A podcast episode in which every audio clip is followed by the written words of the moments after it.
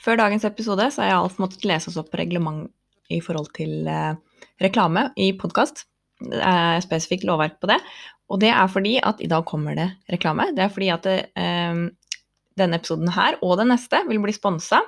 Eh, og så må vi takke litt folk, som vi har da sagt må reklamere litt for seg selv for å ha hjelpa oss. Eh, så nå kommer det litt reklame. Det kommer litt seinere på den, og da sier vi det på nytt. Sånn bare sånn at vi er helt sikre på at eh, vi følger eh, lovverket her. Vi må rette en stor takk til Line Berglund ved Kata, Katindigo. Studioprodusent og miksing i Tromsø. Hadde det ikke vært for henne, så hadde vi fortsatt hatt en sånn grusom ulyd på podkasten. Hun svarer på spørsmål eh, og hjelper oss jeg kjenner ikke Line veldig godt. Jeg kjøpte hest av Line usett, jeg har aldri møtt henne. Kjøpte hest for seks år siden, og likevel så svarer hun på spørsmål og hjelper oss når vi har problemer med lyden, og det er vi veldig, veldig glad for. Hun er, driver da som studioprodusent eh, og mikser lyd i Tromsø. Eh, kjempeflink dame, har vært med på veldig mye kult. Eh, så sjekk henne hvis dere trenger litt hjelp med lyd. Eh, kjempestor takk til en av boysen Hillestad, eh, som driver med kickbike og litt sånn. Eh, hun er jo da veldig god hundekjører, som har hjulpet til med denne episoden i forhold til dette med utstyr hvis du skal sykle, sparkesykle eller gå på ski. Jeg og Alf er ikke helt Kanskje ikke noe veldig gode på akkurat det. Så vi spurte om Lene hadde lyst til å hjelpe oss, og det hadde hun. Eh, og har sendt oss litt tips til dere. Eh, når dere hører det klippet, så har hun fått beskjed om at hun må skryte av seg selv. Og det er jo rett og slett for at dere som ikke kjenner Lena, dvs. Si dere som ikke har vært med noe særlig hundekjøring, de fleste andre vet hvem Lena er. Eh, det er for at dere skal skjønne at Lena det er en dame man tar råd fra. Man hører på hva Lena sier, og det Lena sier, det er lurt. Og så må vi takke Max Bern-Hansen ved Dyrefòr AS, han er med og sponser denne episoden og den neste episoden. Det blir da utstyr denne gangen her, og så er det fòring på neste episode. Max har stilt opp, eh, og han eh, gir dere en rabattkode som dere kan eh, bruke når dere bestiller hos han, så med kodeord fra oss. Det skal vi komme litt mer tilbake til lenger ut i podkasten, men det syns vi er kjempestas og veldig, veldig gøy. Og tusen takk til deg også, Max. Og velkommen tilbake til ny episode. I dag skal vi snakke om utstyr eh, i hovedsak, og så har vi noen spørsmål eh, litt etter hvert.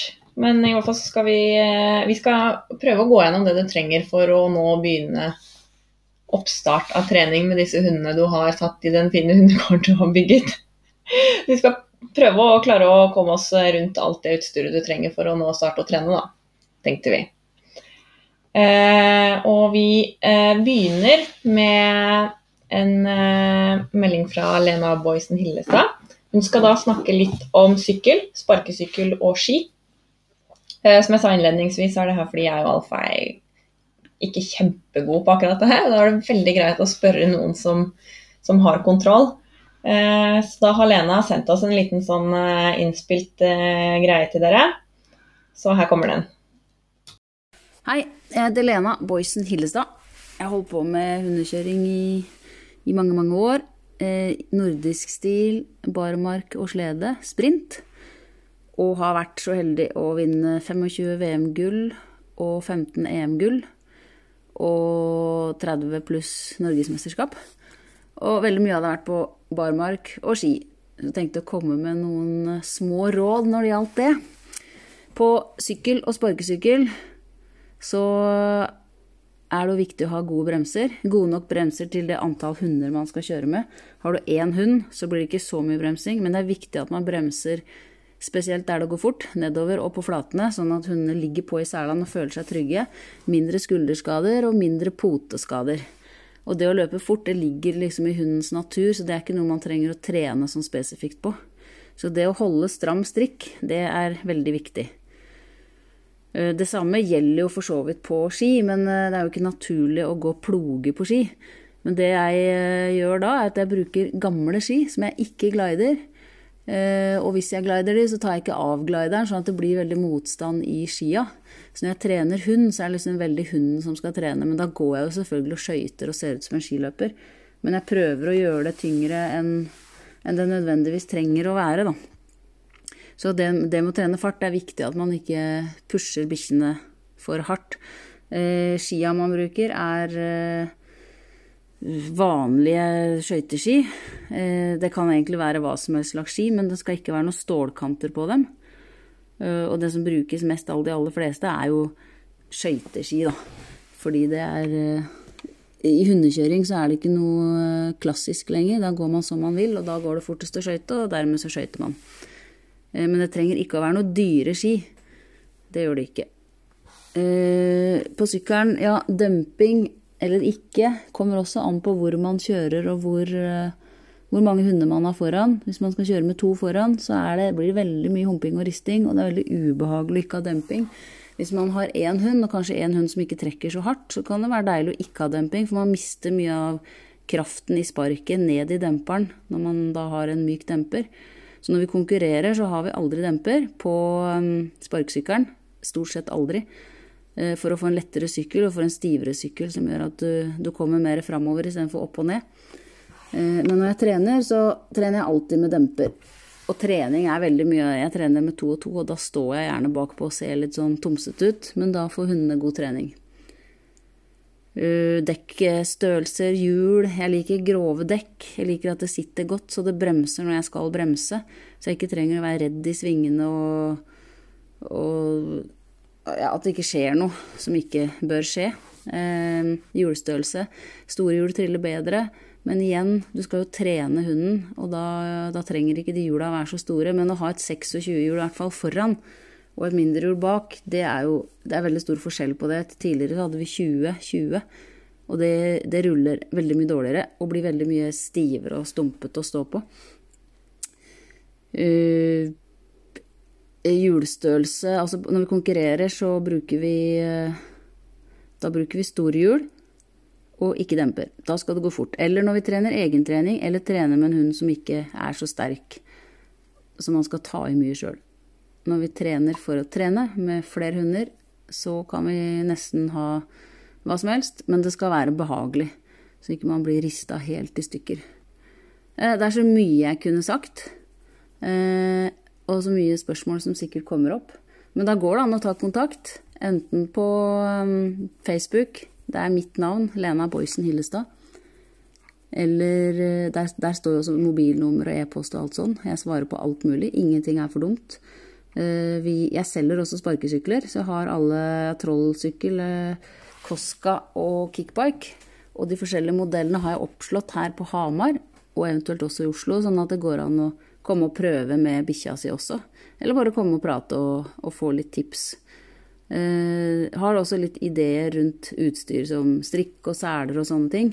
Men da går, det, da går det bare an å ta kontakt. Nå har jeg sikkert sagt nok for en stund, så da takker jeg for meg. Lykke til. Ja, hei igjen. Da håper vi dere hadde like stor nytte av innspillet til Lena som det vi har. Eh, vi starter da med eh, utstyr for høsttrening. Og eh, igjen, eh, med alt det vi sier, så er det jo veldig avhengig av hva har du tenkt å eh, bruke eh, kjøringa di til. Men uansett, det er moro å være ute med bikkjene. Og uh, det vi har en vi, vi, snakker tommelfingerregler her.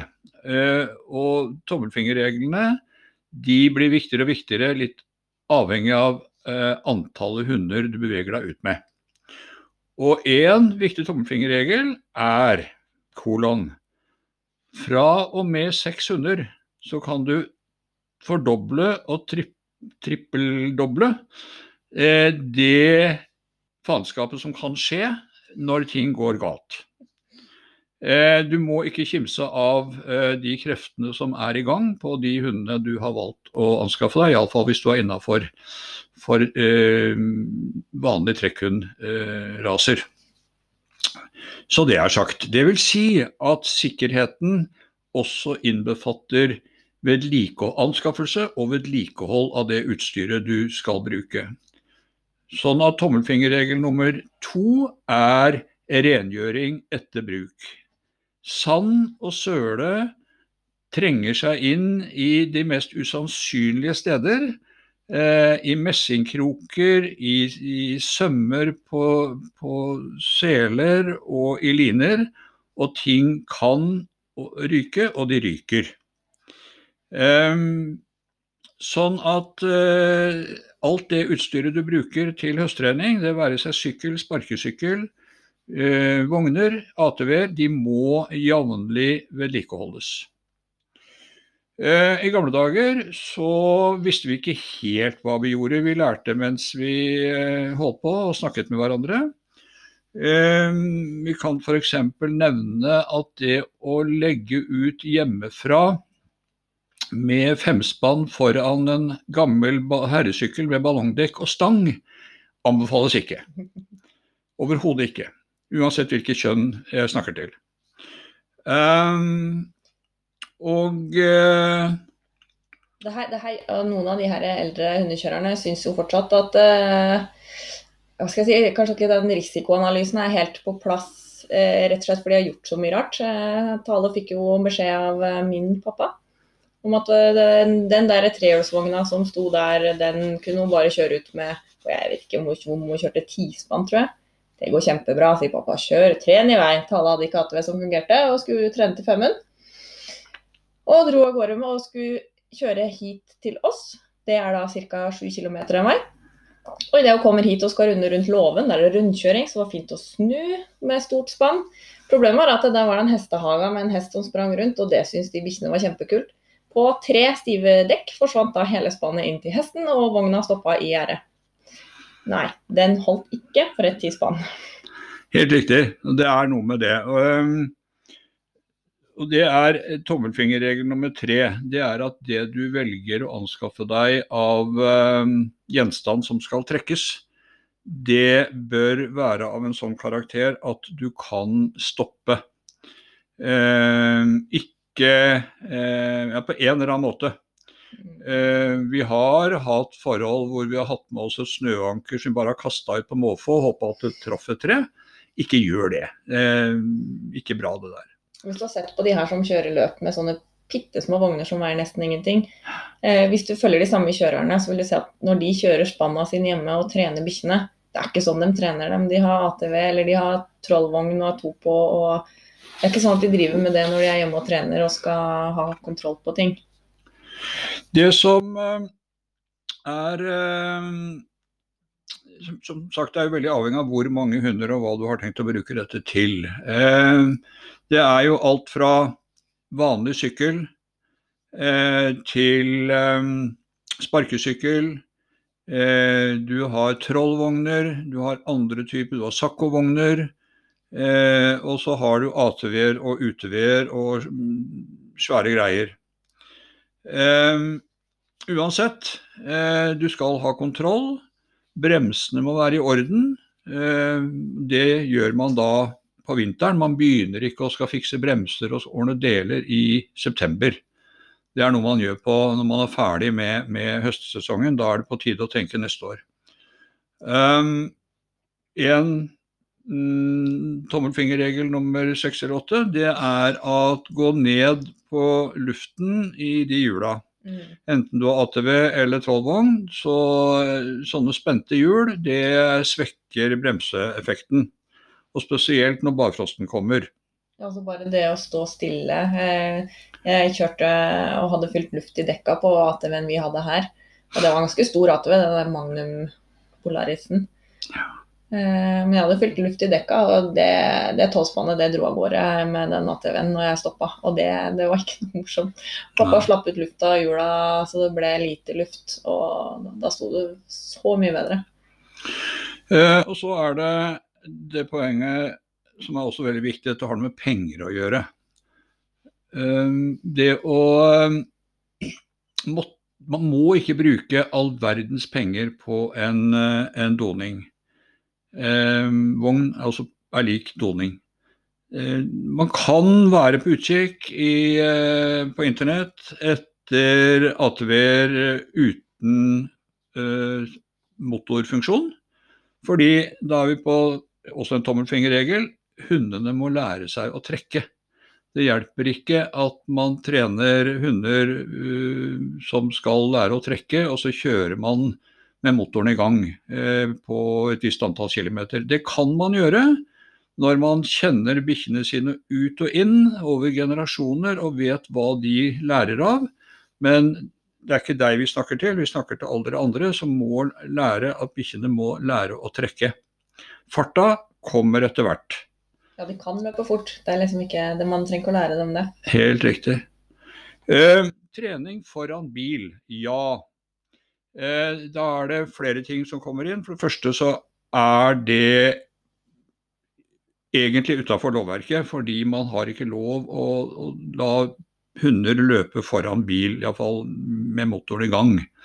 Eh, og på trafikkerte veier, og man risikerer at folk bryr seg veldig, så vi anbefaler ikke å trene bikkjer foran bil. Mange gjør det. Eh, forhåpentligvis så veit de hva de gjør, og hvor de trener hen. I nødens stund har vi gjort det. Absolutt. Da, da, er det greit å ha en bil som ikke stopper underveis. Det, det er også en fordel. Det har jeg også prøvd. Absolutt. Eh, eller biler som da havner med 16-spann på isføre, og bilen havner i grøfta. Er også prøvd. Mm. Eh, mange muntre ting på dette her. Det er lettere å få en ATV opp av grøfta. Det er det. Det er det, absolutt. Vi har også øh, eksperimentert med ulike biltyper som kunne demonteres. Eh, og her må det da innskytes i ordentlig gamle dager. Så fant man ut at en snerten liten bil som het øh, BMW eller noe sånt Isetta, det var en liten tredørs sak med åpning i forkant. De er i dag verdt veldig mye penger. Og En av grunnene til at det har vært mye penger, det er at det er veldig få av de, og en av grunnene til at det er veldig få av de, var at noen av de blei nedskalert til bikkjedoninger. Ble slakta av hundekjørere. Yes, helt riktig. Um, sånn at uh, her har vi prøvd det meste. Vi har også, jeg hadde en veldig god en hvor vi kappa ned en uh, en Datsun Sherry. Den delte vi på langs og på tvers, så han ble litt smalere og litt kortere. Men han som holdt sveisinga, han, eh, han visste ikke helt hva han gjorde. Så første treningsturen så skrubba det noe jævlig, gitt. Og det var fordi han var knekt på tvers. Så passasjeren min satt og bremsa med rumpa. Det var ikke helt greit. Nei da, så, eh, så holder det til eh, Men, men bare for det jeg har sagt, det er en del hjemmelagde og hjemmesnekra doninger som er aldeles utmerka. Eh, laga på bikkjedeler og masse sånn. Og noen av de beste treningsdoningene vi har brukt, er hjemmesnekra doninger. Det var folkevogn vi hadde, var det ikke det? Folkevogn, ja, pluss mer. Pluss, eh, pluss litt i hvert fall. Ja, den var utbedra etter alle. Hvis man er liksom bilkyndig, hvis du kan sveise og mekke, og så er det jo ikke altså, Men da, hør med folk som har gjort det. Eh, vi kan gi tips med folk som har laga masse av disse her, og hvis det er av interesse, men da må man ha en bilkyndig person mm. i sin umiddelbare nærhet. Jeg må si at det, det, det som jeg savner med det gamle folkevognunderstellet vårt, det er jo det at det er stille. Veldig stille. Jeg, jeg, jeg, er litt pysete, så jeg sverger jo til ATV UTV nå. Men uh, det folkevognunderstellet vi hadde da, det hadde jo brekk og det hadde bilbremser. Uh, og den var skikkelig tung. Så det var ikke sånn at uh, åttespannet bare dro sin kos, liksom. Det, det, det, det sto ganske godt på bakken. Og det er stille, og det er veldig deilig. Hvis man, hvis man liksom syns at det er ålreit at det er stille, så er det et godt alternativ, da. Helt riktig. Uh, uansett, uh, vogner, sykler. Uh, bruk litt tid. vær litt forberedt på å ikke bruke altfor mye penger på den første doningen, men den skal være hel. Bremser og styring må være vedlikeholdt, smurt opp, være greit til, til, til start. Altså når du har, når du har, Det er snakk om vedlikehold, men det å ta seg en liten rundsjekk, eh, f.eks. at hjula sitter fast og sånn før du drar av gårde. Det er også veldig greit. Hjul skal sitte fast. Ja, ja, en liten sånn sjekkliste før du drar ut, selv om det har blitt vedlikeholdt. Min vogn ble vedlikeholdt uh, av min far, og jeg klarte likevel å stå på tur med, med åtte hunder, og plutselig ser jeg hjulet trille ved siden av meg, og da plutselig er jeg på trehjul. Uh, ja. Og det, da hadde det dette ut en sånn splint. Helt riktig. Og hjulet trillet av gårde for seg selv. Ja. Så eh, liten verktøykasse på det du velger å, å trene foran. Eh, og med litt reservedeler, og ikke minst gaffateip. Gaffateip. Altså gaffateip eller ducktape er alfa og omega, enten du kjører sleda eller hva det er. En rull med sølvteip, kall det hva du vil, men på engelsk heter det 'if you can't duck it, fuck it'. Det vil si ducktape. Eh, først og sist og midt imellom. Og eh, igjen så er det snakk om eh, liner. Dette som skal trekke dette spetakkelet.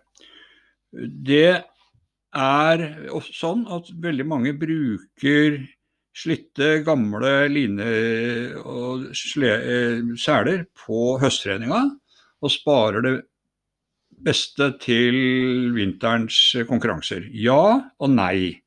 Ja og nei. Eh, Det er sånn at det som kan gå galt, det går galt på de første treningene på høsten. Da må du faktisk ha ting i orden. Um, sånn at um, dette med, med, med linesett, med vaier Spørsmålet må du ha vaier i hvis du har kevlarliner. Mange mener nei. Um, jeg har lite erfaring med, med, med sånne typer uh, liner. Jeg har hatt hunder som har tygd gjennom kevlarnakkeliner. Så jeg er vel rent personlig stoler ikke 100% men jeg kjenner mange erfarne hundekjørere som bruker det, og bare det. Men tommelfingerregel, vaiere, vaierliner. Og så er det det da, med vaierliner. Veldig viktig tommelfingerregel. Baklina, vaierliner, skal skiftes ut hvert annet år. Du kan godt ta baklina hvis du har et større spann og flytte den fremover i spannet hvor belastningen er mindre. Men uansett bruddstyrke så har vaierliner en viss begrensa varighet. Eh, senest for tre år siden så var jeg utsatt for Jeg hadde ikke bare wiresett, jeg hadde en kabel, vil jeg kalle den. Hvor mange millimeter den var, det veit ikke jeg. Men jeg hadde fått den, jeg visste ikke helt hvor gammel han var, og ute med 14-spann, og så røyk trekklina på midten. Den så hel ut, var ikke mulig, var laget etter alle kunstens regler av kyndige folk. Men da var tida ute, og det røyk. Sånn at dette er bruddmuligheter på vailinjer kan du ikke alltid se. Men, men så skift de ut regelmessig. Det samme er det med seler. Eh, selen består av mange deler. Her er det sømmer som kan gå i stykker. Det er eh, sømmer som kan gå i stykker på dumme steder, f.eks. i frontstykket, som gjør at du plutselig kan få en halv tunn fordi belastningen blir skeiv fordi en søm er gått i stykker. Og polstringer som forsvinner, som gjør at eh, når bikkja er våt, den er sølete, så oppstår det gnagsår på steder hvor du ikke trodde det var mulig. Og spesielt hvis paddingen er blitt dårlig på, på, på selene. Um, ja. ja. Selene må også rengjøres, sånn som alt det andre utstyret. For det med grus i, i polstring, det gir veldig mye gnagsår. Og det tar så lang tid å få orden på. For du skal jo helst trene ganske ofte, mange ganger i uka. Og det er hud som skal gro, som er helt åpen fordi det har vært grus i selene. Det er ikke noe gøy. Det er mer problemer jo mer tynnpelsa hunder man har, men det å slenge dem i vaskemaskina med jamna, eller i hvert fall spyle dem med hageslangen, er veldig greit. Spyle og tørke er eh, absolutt, og, og også hele linesettet. Og ikke minst de krokene du bruker. Og da er det tommelfingerregel nummer fjaksen det er at BGB-kroker er ikke lov på trekkliner. Punktum. Det står i regelverket, og det er etter lang erfaring med store skader med BGB-kroker. BGB-kroker, de største, er aldeles utmerket og uovertrufne på eh, oppstallingskjettinger, men ikke i linesett. Her oppstår det skader, og det vil vi ikke ha. Derfor er det blitt forbudt i både nasjonal og internasjonalt regelverk. Um, det betyr jo at det er jo forbudt for å unngå skader, og derfor så burde man heller ikke ha det på treningsutstyret. Fordi at det, du har samme risikoen for skading. Der er det ingen som kan si at det ikke er lov. Men du ødelegger folk og bikkjer på livstid med disse krokene, og det er ikke noe gøy. Nei. Så Da bruker vi bransjekroker. Vi bruker bransjekroker, og vi, og vi, bruker ikke billige ting. Biltema er flott på mange, mange ting, mange, mange, mange ting. Men eh, kjøp ordentlige varer av ordentlige forhandlere som fører ordentlige ting for hundekjørere. Ikke kom med fiks og åren og finne opp noe krutt på, eh, på, dette som har med høsttrening å gjøre. Det er helt unødvendig. Mm. Og så vet jeg noen som eh, argumenterer med det her med bransjekroker, at det er, det er dyrt da, for de ryker hele tida. Hele poenget er at de skal ryke. Jeg opplevde det bare én gang. Og det er det at når du skal snu, og det er trær eller stolper eller diverse, og en hund klarer å komme på feil side av den stolpen, sitte fast i et si typ 14-spann som drar framover, da vil du at den kroken skal ryke, for ellers så ryker bikkja isteden. Ja. Uh, og når da du kjører med bransjekrok, og den ryker, så går det kjempebra. Du slipper å skade bikkja og ja. Det er bedre å kjøpe noe ekstra bransjekroker og bytte. Helt riktig. Um, hvis noen tilbyr dere billige ting, så uh, ikke kjøp billige greier. Dette med Da er vi over på uh, vinter. Og da er vi over på sleder. Og så er det over på nok en gang hva skal du bruke denne sleden til.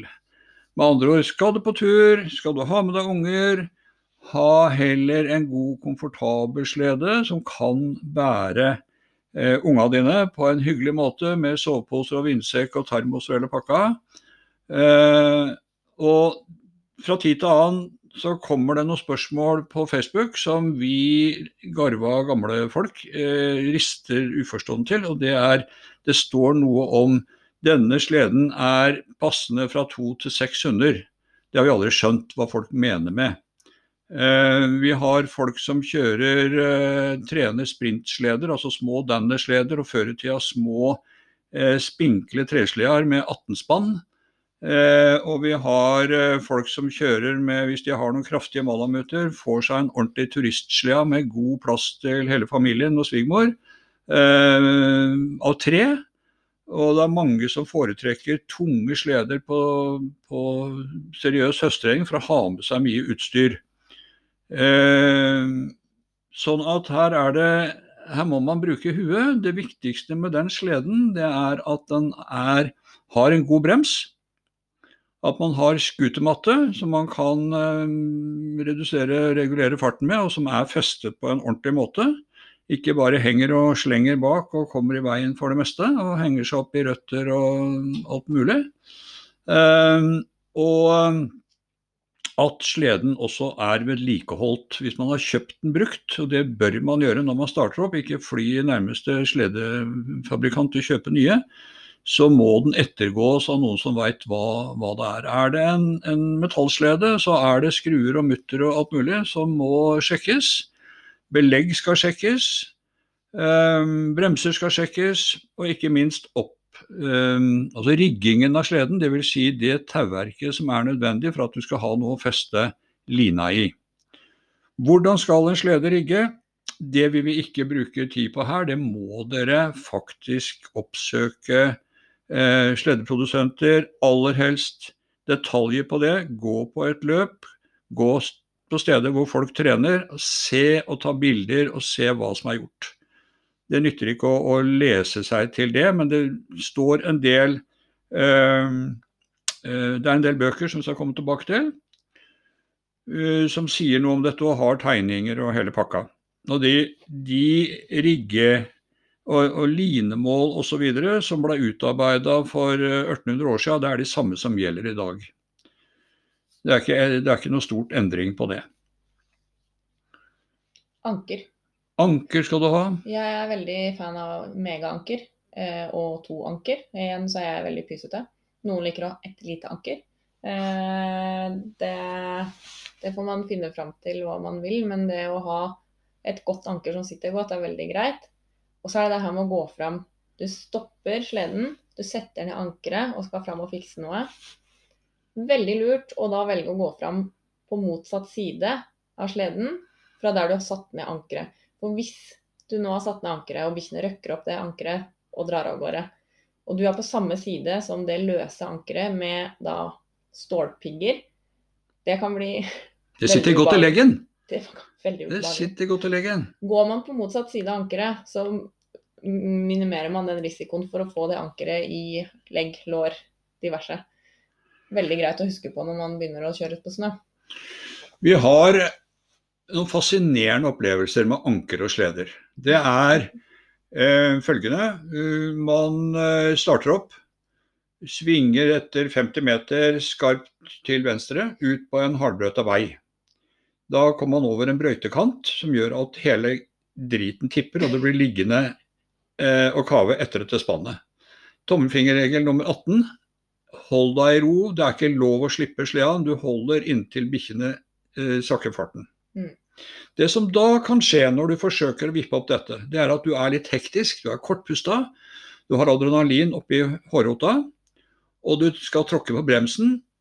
Denne store støvelen som du har kjøpt deg, enten av Sorell eller andre muntre fabrikater, den trer seg mellom bremsen og sleden. Mm. Du får den ikke opp igjen. Mm. Det som deretter skjer, det er hvor er ankeret mitt? Jo, det har kommet seg under sleden. Da har du en munter tid foran deg. Mm. Ganske mange hundre meter. Og de, de sekundene du bruker på å klare å løsne den foten altså, Jeg har gjort det i nedoverbakke. Nedover, nedoverbakke med stubber og stein og lite snø. Og du, du ser for deg at den, det beinet skal brekke bakover tvers av i leggen. Og det er lang tid, altså. Det er lang tid. Det er lang tid. Men eh, som sagt, forhold dere rolig. det er lett å si. Men, eh, men eh, det aller viktigste er å, å rett og slett eh, holde seg fast. Eh, eventuelt prøve å løsne det du har festa, så at du trer beinet av støvelen. Ja, i hvert fall riv av skoen. Hva som helst, altså, sånn at du, du kommer deg på meiene. Eh, skrekken for de alle, og det skal være en skrekk, det er å miste spannet ditt. Mm. Eh, det er, eh, det er eh, innmari Den følelsen du har da, det er ikke noe kult. Okay, det var Og ikke da planlagt- det her var ikke planlagt egentlig å ha med i dag, men noen er veldig redd for å miste spannet sitt fordi de har hørt om det og de har kanskje opplevd det. Og noen velger å kjøre med hånden inne. Nå, nå må vi må vi innom det, kjenner jeg. Selv om vi det hadde Vi vi må det, det er en del av utstyret. Alf er jo da en av de som har gjort det her. Jeg er spesialist på dette. her. Jeg er spesialist på dette. Jeg vet ikke om vi kan kalle det det, men vi Jo. Jo, jeg vil påberope meg Jeg er influenser når det gjelder, gjelder slepeliner. Altså, alle, nesten alle hundesleder rigges opp med en slepeline av ulik variant. Og eh, på den slippelina så er det mange da som velger å ha eh, den omtrent eh, der hvor du står på sleden, der er det en løkke på den slepelina. Eh, den er til bruk for mange, mange ting når du skal tjore opp spannet ditt. Og den er veldig grei å ha å holde i.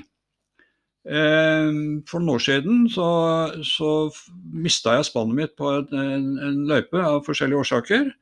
Og jeg forbanna meg på at det skulle jeg ikke gjøre igjen, og brukte ikke huet mitt. Så jeg brukte da en eh, løkke som jeg tredde hånda gjennom, og hadde rundt håndleddet med svære votter. Eh, Senere på vinteren så kjørte jeg eh, tispann i vår hundeløype. Der er det en eh, krapp bakke rundt en stor stein, så det er mer enn 90 grader sving. Eh, jeg mista balansen og falt av og ble hengende etter eh, armen. Og armen og jeg traff et tre. Eh, Jeg endte opp på luftambulanse og holdt på å miste armen og holdt på å miste hånda mi. Og eh, det 12 mm hullfletta tauet som holdt hånda mi, det brøyk tvert av. Så det er kraft, og det er eh, En annen av våre mest meritterte hundekjørere opplevde nøyaktig det samme på et løp. Eh, her er det Dette er ikke bare tommelfingerregel, det er en pålegg fra meg om det er ikke lov å ha en løkke rundt armen. Uansett hvilken årsak dere måtte ha for det. Det er livsfarlig. Altså det er, eh, jeg husker jeg sto på et sykehusapotek i Tønsberg for å få tak i noe på kveldstid. Eh, og mamma ringte meg veldig dårlig gjort, altfor tidlig, før hun visste at alt gikk bra. Og sa at Alfa hadde tryna eh, med håndline, og det var masse blod. De visste ikke om han voldt armen, han var sendt på luftambulanse. Jeg sto der og Jeg sto hylgrein i apoteket midt i Tønsberg, og folk glodde og lurte på alle dager som foregikk. Og, men den, den, telefonsamtalen og den måten eh, Mamma hadde jo da vært en av de første opp eh, der hvor Alf lå, når de fant den. Og det, det som ble beskrevet der, altså det, det er noe man ikke glemmer. Og man kjører ikke med håndline. Man gjør ikke det. Birgitte Næss var den andre jeg snakket om. Birgitte Næss opplevde dette på sin fjelløpe hvor hun lå på den ene siden av treet med sleppelinja rundt armen. Og dette var bare kort uh, tid, uh, kort avstand fra sjekkpunkt. Bikkjene stoppet når hun stoppet, men det var jo like før hun visste at hvis de hørte bikkjene fra sjekkpunktet som sto og gaula og ville rykke til, så hadde hun ikke sjanse til å beholde den armen. Mm. Og Derfor så er dette her punktum. Det er ikke, det er ikke lov å feste dette her rundt armen. Mm. Du som er TD, Alf, du må si noe om denne her eh, lufteluka i sledetrekk. Det er helt riktig. Eh, både nasjonalt og internasjonalt så er det innført regler om en pålagt lufteluke eh, i sledetrekket, eh, der hvor man skal kjøre konkurranse. Eh, og det er like greit å, å, forholde seg til det uansett hva slags bruk man eh, har. Når man har hund i sleden, så skal hunden være under eh, lås og slå, holdt jeg på å si. Den skal være under glidelåsen eller borrelåsen, og da må man ha luft. Og det er innført en regel om at det skal være minimum en lufteluke med minimum 600 kvadratcentimeter, f.eks. 20 ganger 30 cm. Så alle nye sleder med sledetrekk som produseres i dag, har slike lufteluker. Og det, selv om man ikke skal konkurrere, så drar du på vidda om å ha en hund i sleden. Det her går jo på dyrevelferd. Eh, de skal nok oksygen når de ligger i sleden. Eh, da selv om du ikke skal kjøre løp, og det ikke er påbudt igjen, man kan ikke påby deg ting når du kjører alene på fjellet, men trenger du å ha en hund i sleden, så trenger bikkja oksygen ned i sledesekken. Og, og det her med at den skal være under trekket, den skal være beskytta for vær og vind. Når bikkja ligger stille, så blir den kald. Uh, og, og, trenger å være nede i trekket. Han kan ikke ligge oppå toppen fordi du har utstyr nede i sleden. Det er viktig å huske på når man drar ut, uh, ikke bare på løp. Man må, må kunne ordne sånn at bikkja kan puttes nede i sledetrekket og ikke legges opp på toppen. Det er riktig. Nå er det masse eh, elementer i utstyrsverden som vi ikke rekker å snakke om. Det er en hel haug med ulike seletyper. Det er ulike dekkentyper. Det er ulike snøsokktyper. Uh, men vi skal bare nevne veldig kort at vær obs på at det er i hovedsak to typer sokker. Uh, det er snøsokker og det er barmarkssokker. Barmarkssokkene må eh, være av såpass kvalitet og materiale at de tåler grus. Og det er ulike typer cordura-sokker som er å foretrekke. Eh, hvor ofte man skal bruke sokker, eh, det er vanskelig å si. Eh, hoved, en av mange tommelfingerregler igjen. Etter hver tur med hunder sjekker man poter. Man sjekker, man får nedslitte negler, man får De har tråkket på en kvist, man får sprekker i tredjepoten, og man får sprekker mellom tredjepotene. Så i tillegg til potesokkene, så må man ha sinksalve, og man må ha muligheten for et lite eh, grønnsåpebad hjemme hvis det blir infiserte eh, sår. Og eh, det å bruke sokker for mye enn for, eh, for lite er veldig, veldig viktig. Eh, og sokker er en dyr eh, forbruksvare som ja, det er, jeg sier, det er en forbruksvare som du er nødt til å ha råd til å bruke. For å si sånn, Nå har vi bestilt eh, grussokker, og så glippa det litt, så vi hadde ingen i small. Eh, så jeg har kjørt da eh, snøpotesokk på grus. Eh, og hun tispa som er small, hun bruker da én sokk Har hun da gått gjennom i løpet av tre kilometer på grus. Altså etter tre kilometer så er det ingenting igjen av sokken annet enn rundt holdt si, ankelen. Ja. Uh, alt er bare borte. Så det å bruke snøsokker på grus er i hvert fall veldig dyrt, for de går gjennom. Uh, og særlig hvis man de, de, sliter jo ned neglene, noen så de blør. Mens andre sliter ikke så mye negler. Det kommer litt an på hvordan bikkja de løper. men for å spare sokkene, veldig lurt å holde neglene korte. Klipp klørne. Har du lange klør, så går de gjennom sokkene med klørne med en gang, og så er det nødlagt. Men Tone, det er, det er en del bikkjer som blir hysteriske, som du kanskje får som de er litt voksne, og som ikke er vant til å klippe negler. Hva gjør du da? Ja. Eh, vi har jo hatt noen runder med sånne, men det går veldig fort over hvis du bare er konsekvent og rolig. Og eh, innimellom må man ha da litt hjelp de første gangene. Da har du noen som holder i halsbåndet, og kanskje har noen godbiter hvis de er rolig nok til at de klarer å ta godbit. da. Eh, men en som holder i halsbåndet, og du står over bikkja og har bikkja mellom beina dine. Du står med ansiktet mot rumpa på bikkja. Eh, og løfter ett og ett bakbein. Det er som regel enklest å begynne med bakbein. Er med min oppfatning i hvert fall, de er mest redd foran. Og så og klipper du tuppen. Du klipper bare den lille tuppen. Da kan, for da kan du klippe mange ganger i starten, ofte uten å klippe inn. Eh, og hvis du ikke har noen til å holde foran, så sett dem fast i ei nakkeline. Fordi at hvis de kan bare vrenge seg rundt, så er, selv om du holder dem med beina, så er det vanskelig.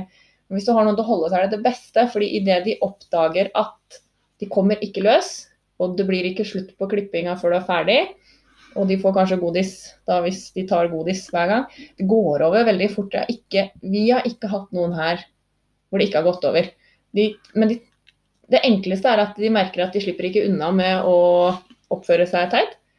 Og gjerne litt godis. Så det går så greit som regel etter hvert. Så helt til slutt. Dette med eh, liner, seler, sokker. Spesielt når det gjelder liner, lær dere å lage trekkliner og nakkeliner sjøl. Det ligger en god del bra oppskrifter på, på YouTube. Eh, dere kommer i situasjoner hvor dere er nødt til å reparere ting, og da er det nyttig å ha et uh, spleisesett. Eh, det å, som dere får kjøpt på sånne båtforretninger eller på internett, å ha eh, noe tau som dere kan bruke til å, å, å reparere. Så det er en nødvendighet når man skal drive med dette her. Sokker. Skal vi sy sokker sjøl? Hvorfor skal man det? Hvorfor skal man bruke masse tid hvis ikke du er en racer til å sy? Og har tilgang på godt materiale. Eh, jeg er usikker på det der. Eh, jeg syns folk ofte havner i eh, kjelleren og skal drive og lage masse sjøl, og har for liten tid til det, og så blir det ikke bra nok. Altså Skal du kjøre typ 5-en Finnmark, da er det tid som du gjerne vil bruke ute hos bikkjene. Ja, det er mye sukker. Men også det som jeg tenkte også vi måtte huske å si, er både på ATV, vogn, slede så er det veldig veldig lurt. Du minst Det kommer an på hvor mange bikkjer du har, da. Men det er veldig greit å kunne bytte både nakkeline, trekkline. Eh, når du kjører sleda og ATV og vogn, så er det også lettvint å ha med en ekstra sela. Eh, gjerne så stor at den går på den største, da blir den stor til den minste. Men når ting ryker og du står et sted hvor du ikke kan ha løs hund, så er det så Da er du veldig glad for at du har giddet å du har hengt på noe ekstra nakkeliner, baklinjer, du har noe ekstra bransjekroker i lomma. Eh, du har den ekstra selen. Jeg har stått der sjøl og vært eh, veldig sur for ikke å ha fulgt det rådet, nemlig. Så det å ha, i hvert fall hvis du har linebitere og sånne ting, det, det går fort. De, de, klarer det så utrolig raskt. Da blir det litt eh, Det hadde vi heller, heller, ikke planlagt. Vi glemmer jo litt da når vi planlegger, og så kommer det opp. Så når vi sitter her og skravler, så bare åh! Så Alf fant ut vi må si noe om hodelykter. Vi må si noe om hodelykter. Her er det eh, hva skal vi si, utviklingen innen hodelyktmarkedet. Det er omtrent som å se utviklingen innenfor PC-markedet. Eh, da vi startet med dette galskapen eh, for mange mange, mange år siden, så var det nesten ikke hodelykter å få tak i i butikker. Det var, eh, det var noen eh, eksperimenter med alle mulige rare ting, og de varte omtrent så lenge at du rakk å, å spenne opp bikkjene, så var det slutt. Eh, første Finnmarksløpet tror jeg Sven Engholm kjørte med en fjøslykt. Jeg har hørt noe om det. Ja, jeg lurer på det. Og eh, så kom Silva med noen svære kladeiser, og vi eksperimenterte med halve på huet, var så vidt vi orka å ha det på huet. Og vi eksperimenterte med motorsykkelbatterier, og jeg hadde bilbatteri, og når det velta, så svei hele sledetrekket opp pga. batterisyra. Det var heller ikke vellykka, men det var et jævlig godt lys. Eh, nå er det jo sånn at i en velassortert eh, sportbutikk så er det jo 14 hyllemeter med huløkter, så det er ikke noe problem. Og da har jeg en liten greie som er min, og det er at dere som starter opp nå, ikke kjøp en huløkt til mangfoldige 1000 kroner. Det finnes eh, masse helt ålreite lykter i dag, oppladbare med godt lys til noen få hundrelapper. Eh, og det er mer enn gode nok. Jeg sjøl har to huløkter av de første Kina-importene. Merket Magic Shine, som jeg kjøpte i 2011. Jeg har bytta batteri, kjøpt et ekstra batteri. Jeg har kjørt Finnmark og Femund og trent med de, og de funker aldeles utmerket en dag i dag. Altså kjøpt i 2011. Jeg har supplert med et par andre, for det er så billig å bare putte i lomma, sånn som du kjøper på Sportoutlet til 285 kroner, og det funker. Um, sånn at det er ikke der du skal putte pengene dine. Liner er viktig, seler er viktig, kroker er viktig. Det er masse annet som er viktigere enn det. Kjøp deg heller en billig løkt, og kjøp flere av dem enn å kjøpe en løkt til mange tusen kroner. Ja, at, særlig hvis du har tenkt å kjøre langdistanse, da. Altså det å ha flere lykter, det er, altså det er så gull verdt. Jeg har kjørt i snø og vind over fra Tussingdalen til Tolga på femhundreløpet. Eh, og aldri kjørt i fjellet i dårlig vær i mørten eh, før. Eh, og hadde da på meg en hodelykt som liksom var helt ferdiglada. Hadde to i sleden. Hvorpå jeg tror vi hadde kjørt på et par kilometer, så ryker da den jeg har på meg. Helt mørkt. Stupmørkt blir det. Og smeller på hulykt to. Bare ha-ha, ja det var bra jeg har flere med. Hvorpå det går en halvtime, så er da uh, hodelykt nummer to mørk. Og da blir man litt hysterisk. Jeg tar på meg den tredje hulykta, og da kjente jeg at litt sånn panisk. Jæskla mørkeredd. Ikke vært mye på fjellet om natta før. Da er man så glad for at man har tre hodelykter istedenfor en som er svindyr og fancy. Da, da er den der tredje hodelykta gull verdt. Helt riktig. Yes. Da har vi noen spørsmål fra, som er sendt inn. Både på mail og litt diverse.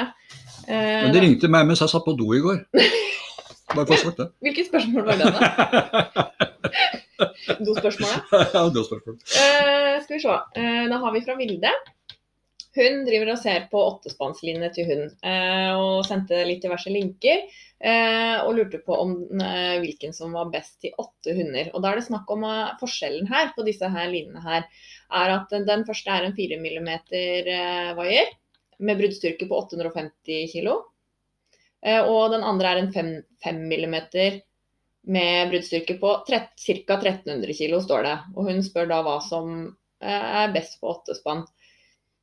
Og da er jeg litt sånn at med mindre du er veldig opptatt av vekt og veldig opptatt av at det skal være billigst, billigst, billigst Det spiller egentlig ingen rolle. Du, du tar den med høyest bruddstyrke. Fordi det her Vi har vært innom det nå når vi snakka om linne. Det ryker.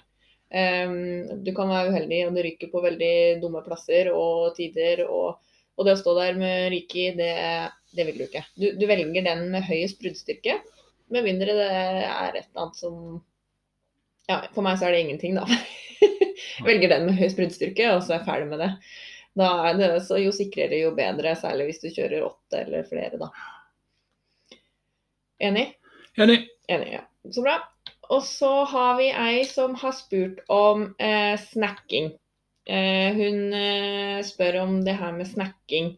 Eh, og at hun får litt dårlig samvittighet når hun ikke får gjennomført snacking eh, på trening. Eh, hun sier hun kjører korte distanser, 10-30 km. Og driver stort sett med turkjøring. og når jeg først leste mailen, så, så begynte jeg liksom å tenke snacking. Og men så leste jeg en gang til og fikk med meg det her med 10-30 km. Og uh, i Ja, jeg tror ikke det er veldig vanlig å snakke mye på trening på distanser som er 10-30 km. Så det å ha dårlig samvittighet for at man ikke er flink til å gjennomføre snacking på disse distansene, det, det tror jeg ikke man trenger å ha. Nei, men det er klart at her må vi skille mellom seriøs snacking Eh, for å opprettholde blodsukker og humør og tilføre næring, og til å ha med godbiter. Mm.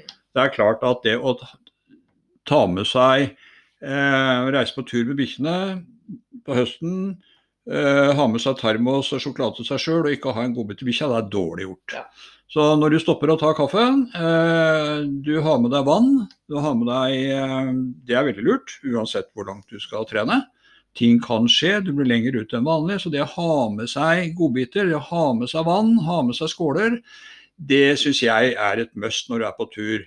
Det å stoppe, kose med bikkjene, la de få litt vann, la de få en godbit. Om du trener 10 km eller 30 km, det spiller ingen rolle.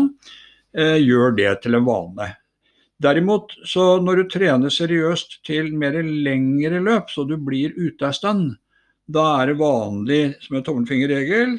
Eh, og du kan godt starte opp og kjøre en tre timers tid, men så stopper du, og så sjekker du poter, sokker, og du snakker bikkjene. Og da er det snakk om seriøs snakking. Eh, og på lengre løp så eh, er det sånn at du snakker hver annen time, Mm. pluss minus. Eh, det er en fornuftig greie eh, å gjøre.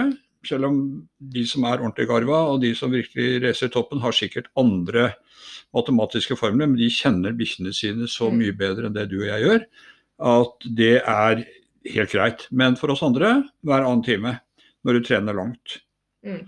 Og da sjekker du poter, sjekker sokker, sjekker det meste, samtidig som du snakker. Ja. Jeg vet det var snakk på eh, Når vi kjørte Norway Trail, så ble jeg forbikjørt av en tysker som kjørte sabla mye fortere enn meg. Eh, og nederst i en bakke så plutselig stoppa han og og sprang langs spannet. Og det de gjorde da, var på, på Norway Trail at de da snakka en sånn liten isbitstørrelse snakking. Og da var det snakk på at de, de merka at bikkjene gikk litt saktere en liten stund, men at de holdt bedre til mål. Og da er det også snakk om distanser som er 30-40-50 km. Mm. Ja. Men da er det da er litt som du sier, da er det, for, det er jo, da er det veldig seriøst. Og det var, Da er det veldig, veldig. da fikk de ikke ei tørrfòrkule, liksom. Der var det nøye planlagt, og det skal presteres på høyt nivå. Men å ha det som en, en, en veldig grei regel å alltid ha med seg noe i bilen når du er ferdig med turen din, gi bikkjene en, en godbit, en snack, hva du vil, eh, det fortjener de. Og så da, ja, Vi kommer jo litt mer inn på det neste gang, men da er det under kjøring så er det jo snakk om eh, å gi de væske og, og noe å forbrenne. Eh, type fett. Mye vann i og, og, og fett, da. eh, og når du kommer inn, så er det snakk om at de skal da, Teorien der er at de skal ha karbohydrater innen en halvtime når de kommer inn. Så da gir dem en eh, Det på sprint. Mm, ja, en neve tørrfôr etterpå. Ja, hvis, når du kommer inn fra trening på langdistanse, så fungerer det like bra. For da er det snakk om restitusjon istedenfor istedenfor andre ting. Så da, da må du stoppe. Da har vi et spørsmål til, og da, da er vi inne på dette med krokodillehunder igjen. Eh, og her ser man jo eh, litt det her som vi snakka om, at hvis man vet at man har en krokodille i spannet, så må man være ansvarlig, og den må ikke være med ut på trening og løp der hvor det er andre folk, før man eventuelt får, får bukt med problemet. Og det er da noen som har sendt inn at eh, de har eh, en veldig god lederhund, eh, kunne passere alt og alle. Som da i påsken møtte et krokodillespann, hvor lederne passerer henne, men så de neste fire går på. og det blir slåssing, og det ender i nærmere 100 sting på den ledertispa, som virkelig har fått kjørt seg. Eh, og nå har hun da endt opp med å bli en krokodillehund selv. Hun eh, blir redd og forsvarer seg og går, går til angrep når de møter andre spann. Hun sliter i alle posisjoner i spannet. Eh, og det smitter over på unghunder. Unghunder plukker opp alt, både på godt og vondt. Eh, og spørsmålet her er om hun burde omplasseres ut av, eh, ut av hundekjøremiljøet til turfolk, eller om det noe, om det er noe håp for henne. Eh, og det er jo det er klart det er vanskelig for oss, vi, vi kjenner ikke denne hunden, og vi har ikke sett denne hunden. Men man ser jo det at hunder som har opplevd sånne traumer som det her, og, og får en oppførsel etterpå, det er, det er, det er veldig vanskelig å, å få bukt med. Det, de, de er ordentlig redde. Og redsel er jo noe av det som er vanskeligst å jobbe med på disse hundene. da. Det er det. Så uh, uansett hva man har tenkt å gjøre med denne hunden, sette den i terapi, bruke masse tid på den aleine, er det sikkert, sikkert, for dyktige hundefolk og hundeterapeuter sikkert noe å jobbe med. Men inntil det skjer, så må denne hunden ut av eh, spannsituasjonen. Eh, vil du omplassere den, så må det skje til dyktige hundefolk med mye tålmodighet, og, og eh, som, som, er godt kjent med hvilke problem de står overfor for å omplassere en hund en krokodillehund til folk som bare skal tur, gå tur i Frognerparken, og så møter han en puddel som uh, reiser bust, så har du et stort problem på nakken. Mm. Uh, så um, håper at uh, du finner en løsning innenfor uh, hundemiljøet, iallfall folk som er dyktige med hunder. Mm. Jeg tenker Man må være ærlig på problemet i forhold til hunden, ja. overfor de som eventuelt skal da ha den til omplassering. Så er det jo klart det er mye trekkhunder som er omplassert som, som turhund til folks, og det går bra. Men man må være veldig klar på at dette er et problem, og hvor man må plassere hunden og, og, sånne ting. Ja. Eh, neste episode har vi da planlagt fòring. Da skal vi snakke om, eh, om eh, type fòring og hva en hund trenger, og hva det er jo kjempeforskjell på hvor mye skal en sprinthund ha, hvor mye skal en langdistansehund i løp ha, og hva skal de ha. Eh, det er også stor forskjell på eh, hvor mye fett disse hundene tåler osv. osv. Men det blir da altså neste gang, neste onsdag. Nå kommer det reklame igjen. Vi sier ifra. Har lest at vi må si ifra. som jeg nevnte tidligere, så har Max Bern Hansen fra Dyrefòr AS har da sponsa denne episoden. det dere kan gjøre da, er at dere bestiller, kan bestille av han. Det må skje på e-post. I den e-posten, hvis dere da skriver kodeordet 'krasjkurs', så vil dere få en rabatt når dere handler der. Uh, skal vi se Nå har jeg rota bort mailen hans. Vent litt. Det var veldig godt gjort. Og nå har jeg da telefonen ved siden av mikrofonen, sånn som vi ikke skulle gjøre, ifølge Line. Skal vi se her der har vi den. Det er da til e-post post at dyrefor.no. Altså post at dyrefòr.no. Og hvis du da bruker kodeordet 'krasjkurs', eh, så får du fem liter lakseolje til 4,95 pluss 95 i frakt. Eh, hvis du bestiller to kanner olje, så er det 4,75 per stykk og fri frakt. Eh, og du kan få VIP X-seler til 2,75 per stykk, pluss 95 i porto. Bestiller du seks og oppover, da får du fri frakt. Det var da altså Max Bern Hansen hos Dyrefòr AS. Takk for i dag.